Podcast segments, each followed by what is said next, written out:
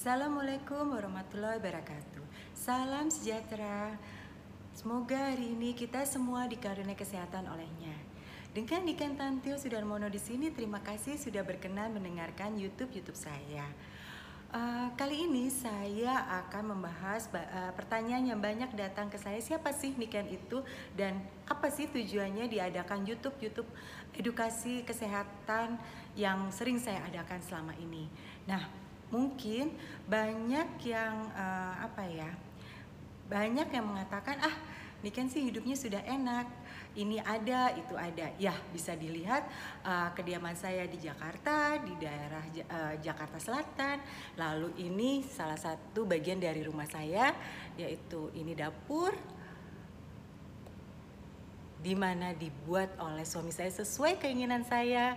Lalu juga ada kolam renang yang bisa dilihat ya cukup panjang uh, panjangnya sekitar 20 kali 6 kalau nggak salah 20 meter kali 6 meter.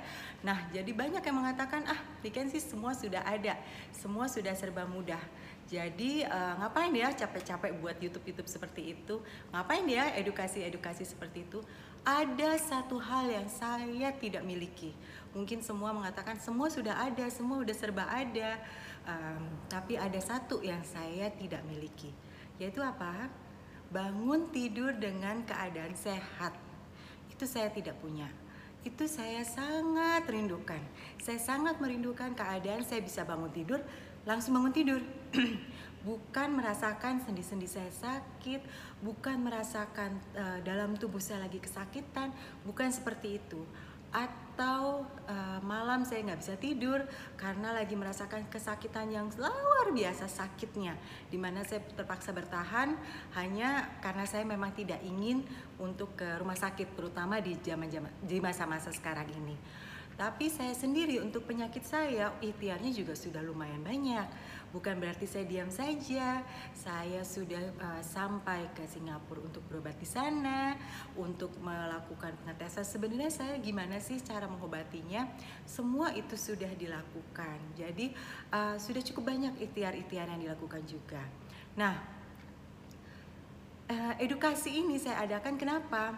Selain karena saya merindukan hidup saya kembali normal, yaitu menjadi sehat lagi saya juga punya uh, apa ya mimpi buruk atau saya punya pengalaman sangat buruk dalam hidup saya di mana ketika saya lagi lucu-lucunya lagi butuh-butuhnya uh, seorang figur seorang bapak ternyata papa saya uh, terkena penyakit sirosis hati di mana uh, prosesnya sangat cepat. Jadi sekitar satu tahun uh, papa saya sudah meninggal dunia. Dan itu prosesnya uh, saya waktu itu masih SMA jadi SMA kelas 1 di mana lagi butuh figur bapak eh ternyata papa saya dipanggil.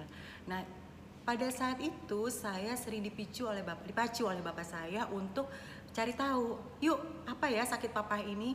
Gimana ya cara mengobatinya? Sedangkan kita tahu sendiri zaman itu Google belum ada. Jadi yang dilakukan adalah papa mengantar saya ke uh, perpustakaan yang dimiliki oleh British.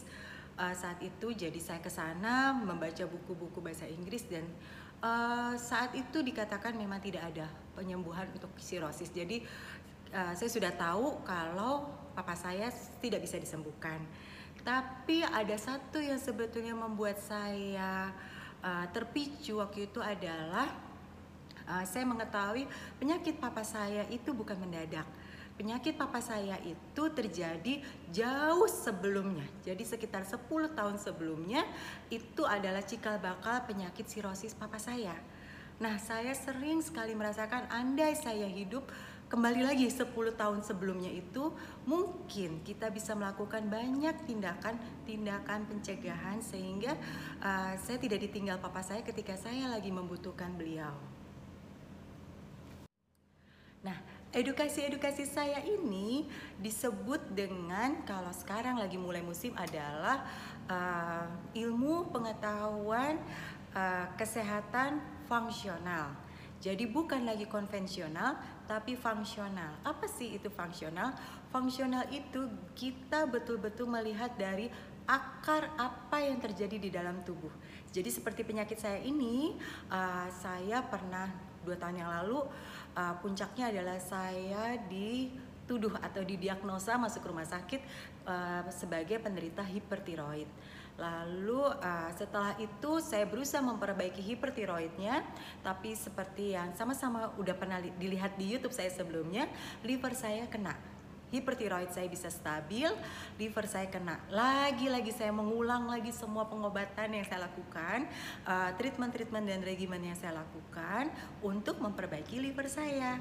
Nah, kalau dilihat di YouTube mengenai liver saya, kondisinya mulai membaik atau sudah membaik, alhamdulillah. Nah, inilah yang saya sebut atau banyak orang menyebutnya adalah uh, functional medicine. Functional medicine adalah kita mengaktifkan lagi apa pun yang ada di dalam tubuh kita. Ingat, Allah memberikan semua tubuh kita ini dengan fungsi-fungsi yang sangat luar biasa. Jadi sebetulnya tubuh kita pun bisa menyembuhkan diri kita sendiri. Nah, di situlah yang uh, disebut dengan fungsional. Jadi kita memfungsikan lagi tubuh kita, gimana agar tubuh kita bisa menjadi sehat.